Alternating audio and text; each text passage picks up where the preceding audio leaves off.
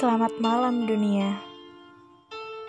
Gumamku menyapa pada langit senja yang kian memandang,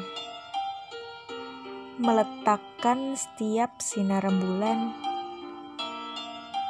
dan perhiasan malam bertabur bintang. Ku ingin bercerita tentang sebuah takdir yang menggulirkan rasa, menghasut asa, dan menorehkan cinta. Bukan tentang mereka, bukan tentang siapa,